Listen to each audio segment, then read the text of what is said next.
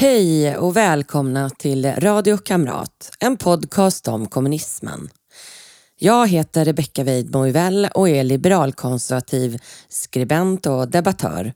Och syftet med Radio Kamrat det är att fylla det hål av kunskap om kommunismens förtryck som finns och som gör att kommunister trots all fakta ändå anses rumsrena. Jag vill med poddserien därför folkbilda.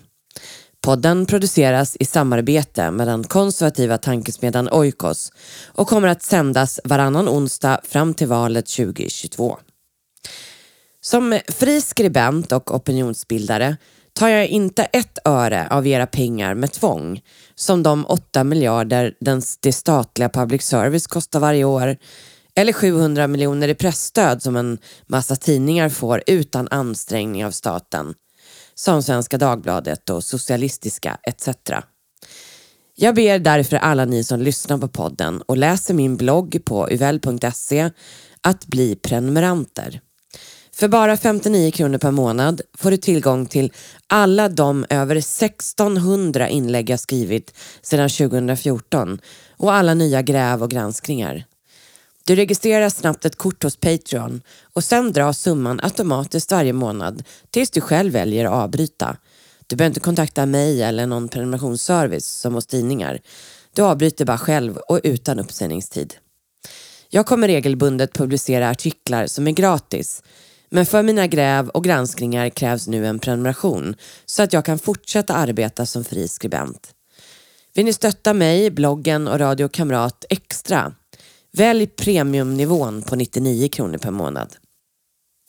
Om ni inte vill eller kan bli prenumeranter men vill stötta podden ändå kan ni fortfarande swisha till 123 444 5847. Eh, en annan viktig sak är att ni sprider podden och, eh, så att så många som möjligt kan delta i folkbildningsprojektet. Kommunism har aldrig vare sig kunnat införas eller behållit makten utan en enorm förtryckarapparat. Det är ingen slump att varje revolution för att införa en kommunistisk diktatur har följts av en snabb och omedelbar uppbyggnad av en säkerhetspolis med spionverksamhet, fängelser och läger. I det här avsnittet sammanfattar jag en rad olika länders förtryckarsystem. Välkomna till mörkret.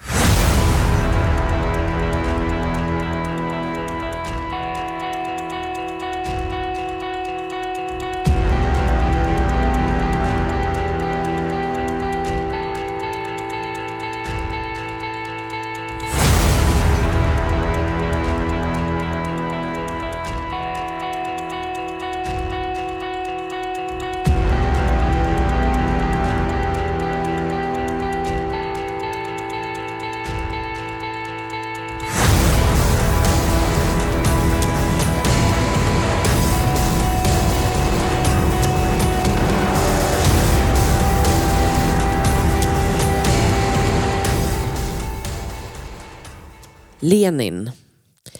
Det högst beslutande organet bolsjevikerna hade var initialt Sovnarkom, rådet av folkets kommissarier. Det var motsvarigheten till en demokratis regering kan man säga.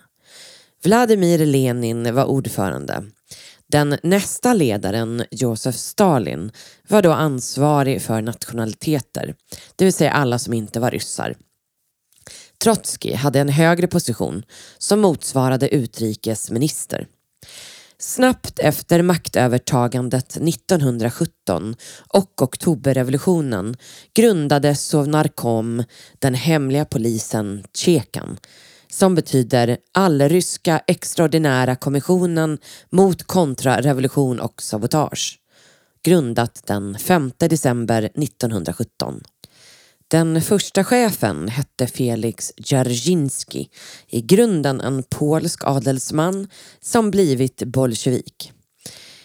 Eh, Tjekan styrdes direkt av rådet och dess ordförande Lenin. Tjekan är det som många år senare förvandlades till mer kända kanske KGB. I slutet av 1918 hade hundratals Tjeka-kommittéer organiserats i Sovjetunionens alla lokala regioner och kommuner. Tjekan hade även en militär gren, trupperna för inrikes försvar av republiken och 1921 bestod den armén av minst 200 000 personer. Då var den militära grenen som ansvarade för att slå ner alla slags protester och uppror både inom Röda armén och bland befolkningen. Initialt ansvarade Tjekan också för alla arbets och fångläger som växte fram med hög hastighet. Tjekan blev sedermera GPU när det ombildades 1922 men bytte namn redan ett år senare till OGPU. Anledningen var att Sovjetunionen officiellt grundades då och Tjekans ansvar blev säkerheten i hela Sovjet. OGPU står för Allunionella politiska förvaltningen.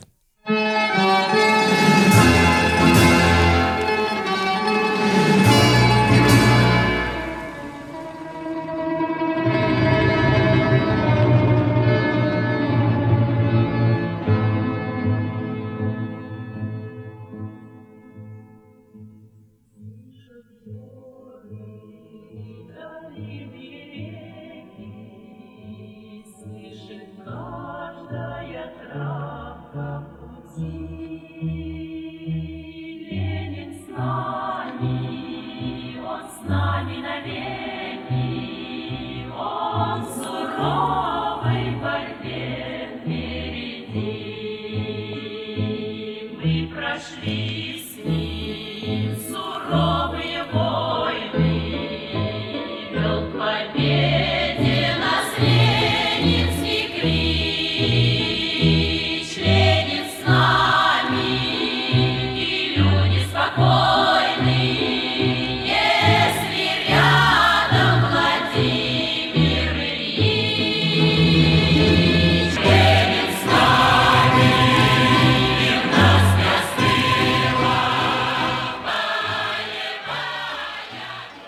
Därför Stalin klä skott för det ofantliga våldet i Sovjetunionen men Lenin var ursprunget till det hela. Stalin tog bara över planerna och utökade och förfinade Lenins ambitioner. Vladimir Lenin betonade ofta nödvändigheten av våld för att säkra revolutionens succé.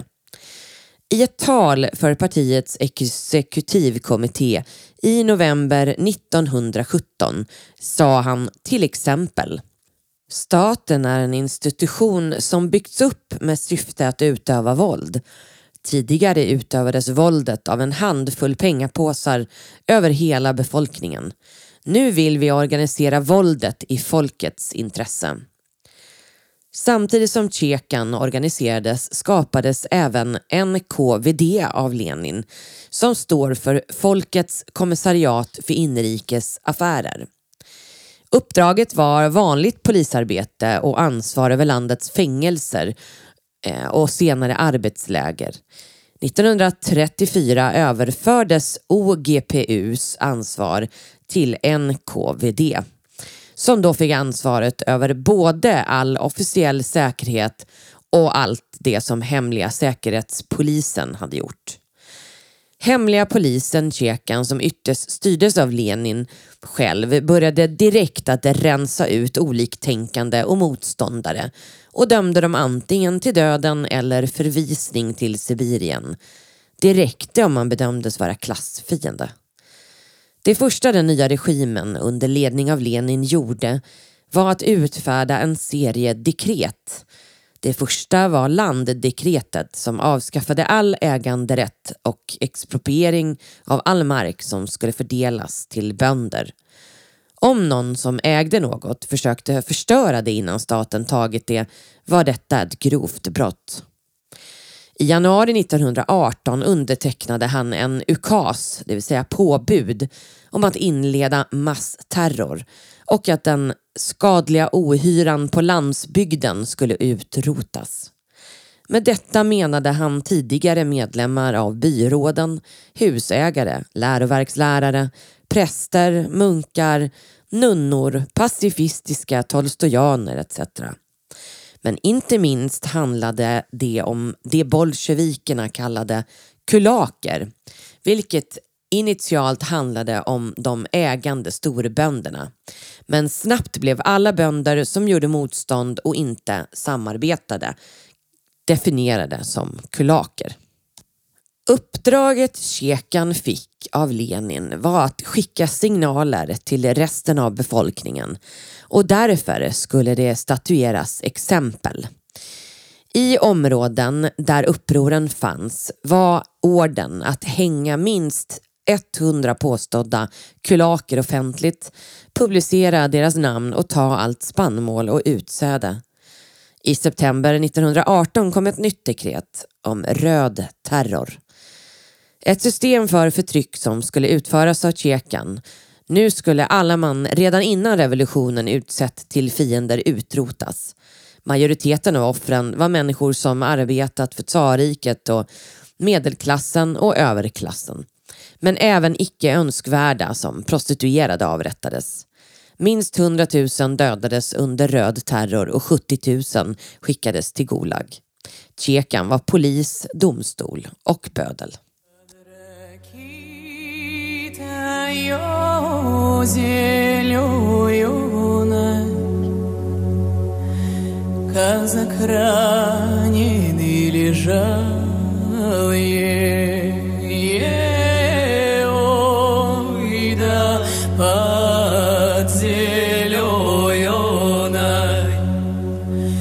Казакрай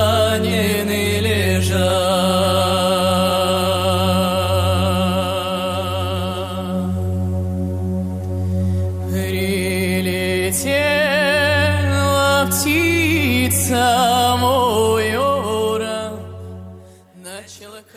Tortyr var metoden som Tjekan använde i sitt arbete och det var vida spritt genom hela organisationen. Vilken metod som användes mest varierade mellan de lokala kommittéerna.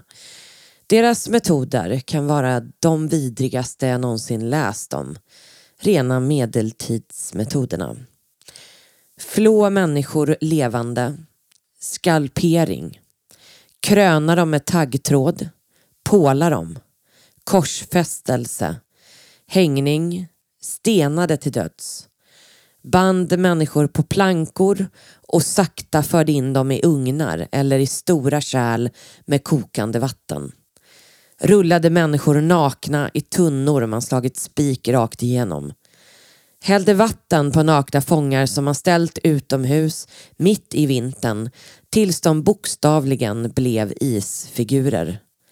Halshuggning genom att vrida huvudena så mycket så att de till slut kunde ryckas av tryckte in ett metallrör i torson på bundna fångar i vilken man tryckte ner en råtta, stängde av röret med nät och sen eldade på röret så att råttan gnagde sin väg in i människan för att undkomma hettan.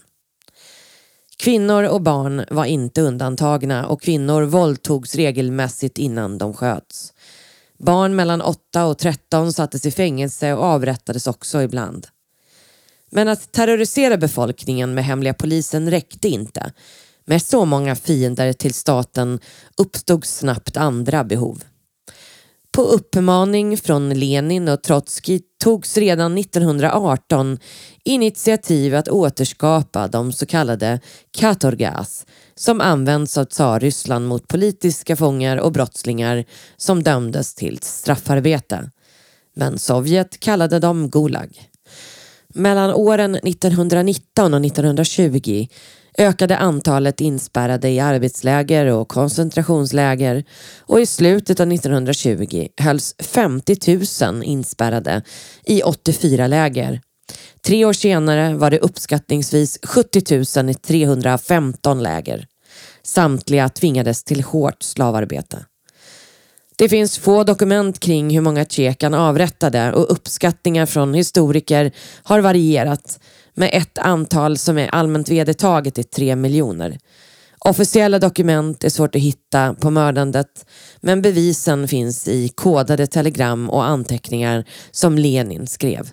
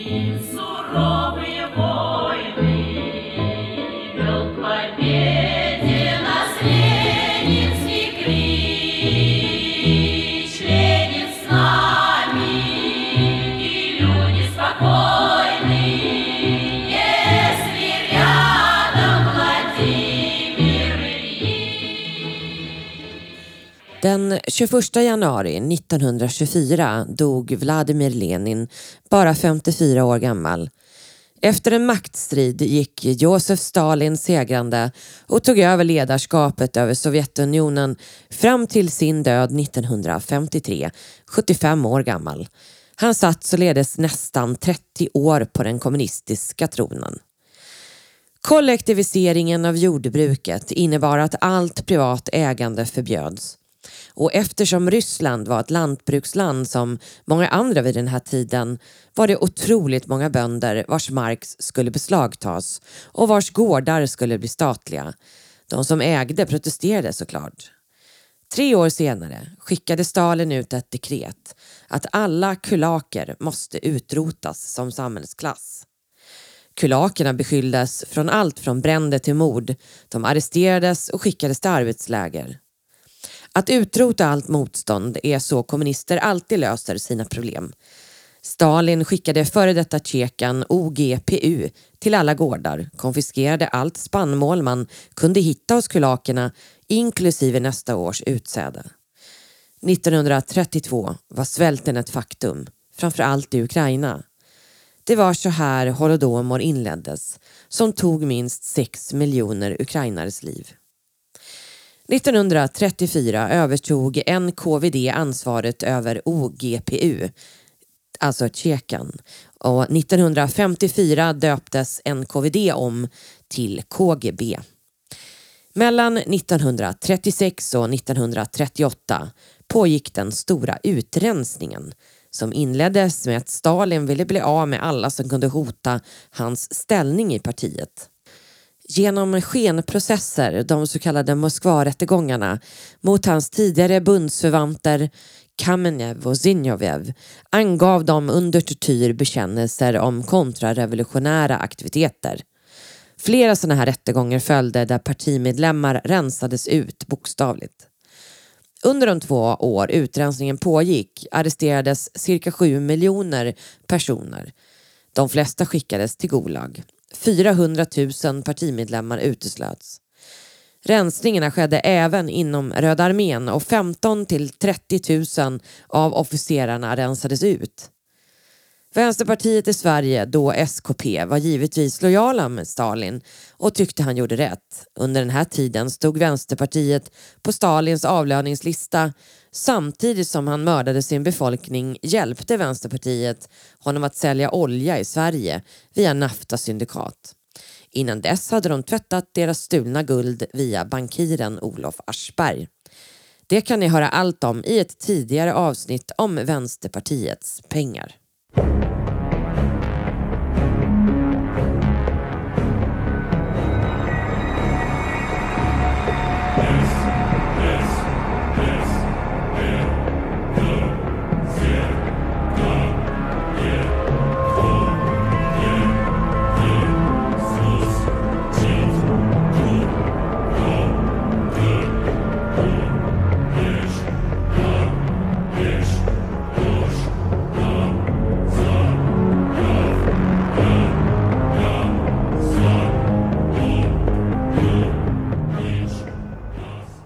NKVD var organisationen som garanterade den kommunistiska diktaturens fortsatta makt och det var NKVD som implementerade allt förtryck som Stalin beslutade om.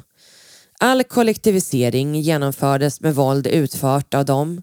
De ansvarade för arresteringar, fängelser, tortyr, skicka folk till Gulag och säkerheten i hela Gulag-systemet såväl som allt inrikes och utrikes spioneri. Allt var NKVDs ansvar och organisationen var givetvis enorm. Terrorn mot befolkningen trappades också upp då Stalins paranoia ökade. Arresteringar och avrättningar skedde både på uppdrag av de sovjetiska toppledarna och av de lokala regionerna i landet som tilldelades kvoter för eliminering varefter de rapporterade framstegen. Eftersom rättssystemet var avskaffat var NKVD polis, domare och bödel och folk dömdes i trojkas som var särskilda domstolar de skapat.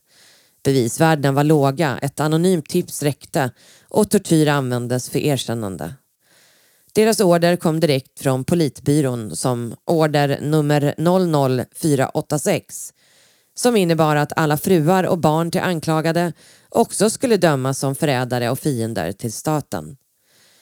NKVD fick också i uppdrag att förfölja och mörda hela etniska grupper som till exempel den polska operationen mellan 1937 och 1938 som resulterade i att 111 091 polacker mördades.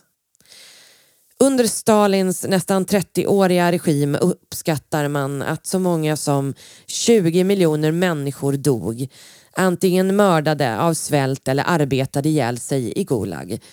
Man tror att 6 miljoner av dem dog i Gulag eller strax efter de släpptes och 6 miljoner människor tros ha svultit ihjäl under holodomor i Ukraina.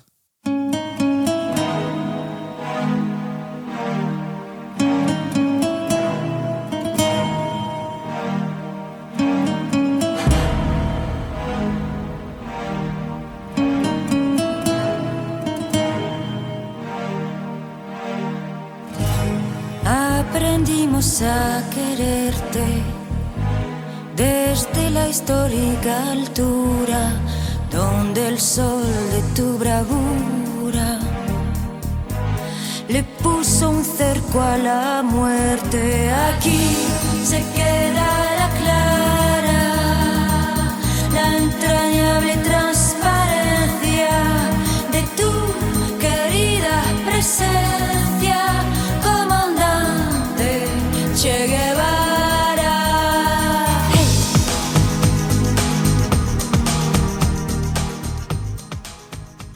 Kuba. Eftersom bolsjevikerna var först inspirerades och även delvis styrdes alla de andra kända kommunisterna i världshistorien av Lenin och Stalin. Det gäller allt från ideologi, politiska reformer till hur de byggde upp förtryckarapparaten. En av de mest kända är Fidel Castro som med bland annat Che Guevara tog makten på Kuba på 50-talet. Efter revolutionen gav Castro Che Guevara ansvaret över fängelset La Cabana. Där anklagades och dömdes alla som ansågs vara fiender till revolutionen och alla fick dödsstraff som exekverades efter midnatt samma dag. Man tror att 500 till 700 personer av Che Guevara dömdes till döden och avrättades. En del av dem avrättade han personligen. Ches besatthet av kollektiv kontroll ledde honom att vara med och skapa en stor säkerhetsapparat som lever kvar än idag i Kuba. Tidigt 1959 i en serie av hemliga möten i staden Tarara nära Havanna i Ches herrgård som han hade stulit av en amerikan möttes toppledarna inklusive Castro för att designa den kubanska polisstaten. Ramon Valdez, Ches närmaste man, utsågs till ansvarig av G2, modellerad efter Lenins säkerhetspolis Tjekan. Angel Chuta, en veteran från spanska inbördeskriget som skickats dit av Sovjet och som var nära associerad med mannen som mördade Trotskij i Mexiko, Ramon Mercader, spelade en nyckelroll i att organisera systemet av förtryck. Che Guevara tog personligen ansvaret för G6 som skulle indoktrinera de militära styrkorna Händelserna kring Bay of Pigs i april 1961 som finns som ett helt eget avsnitt av podden blev det perfekta tillfället att sjösätta den nya polisstaten.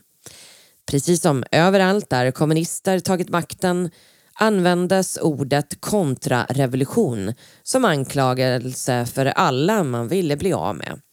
Alla som tyckte något annat. Och precis som på andra ställen började man sätta upp läger, koncentrationsläger. Det första placerades på Guanahasabibes på den västra delen av Kuba och öppnade i slutet av 1960.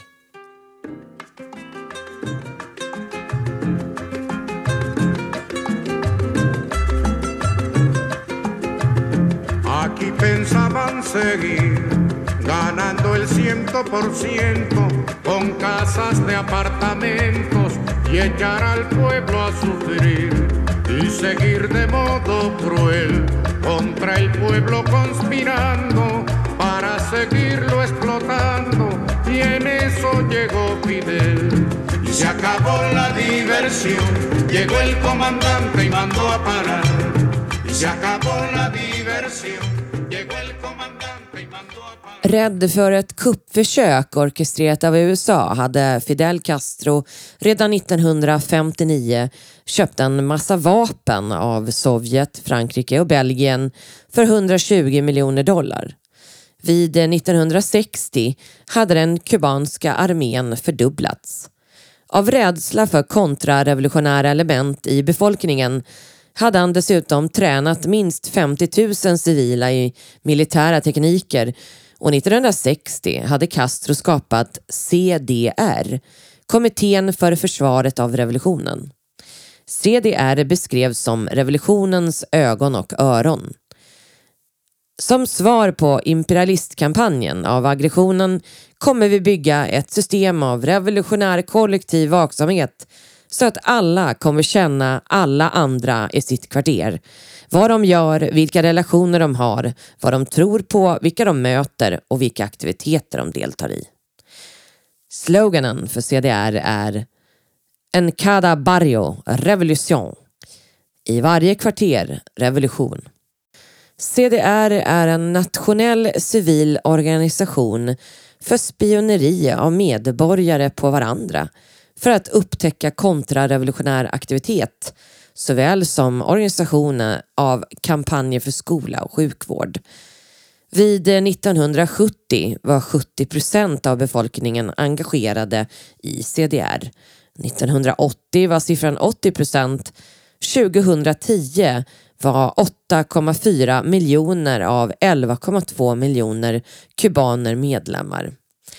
I varje kvarter finns en CDR-ansvarig vars ansvar är att samla in information om alla invånare i kvarteret via rapportörerna som bor där.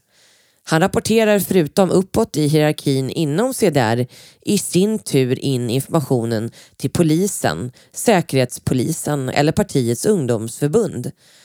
Saker som registreras är hur ofta folk går in och ut ur huset, vilka som besöker dem, vad dessa personer gör, familjens historia, personernas arbetshistoria, hur många paket de får och hur de efterlever utegångsförbudet.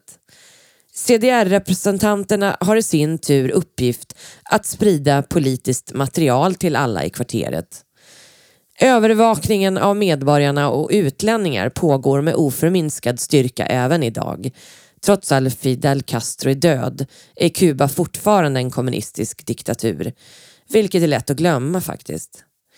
2016 uppstod det som i media kallas Havanna-syndromet som man tror beror på skador orsakade av ljud, av mikrovågor. De första fallen var CIA-anställda och idag har hundratals rapporter rapporter eh, skickats in Folk har beskrivit ljuden som brummande, metall som gnids, genomträngande pip. En kvinna beskrev ett lågt brummande och intensivt tryck i huvudet. Att täcka för öronen hjälper inte. Vissa drabbade känner sig yra och trötta i månader efteråt.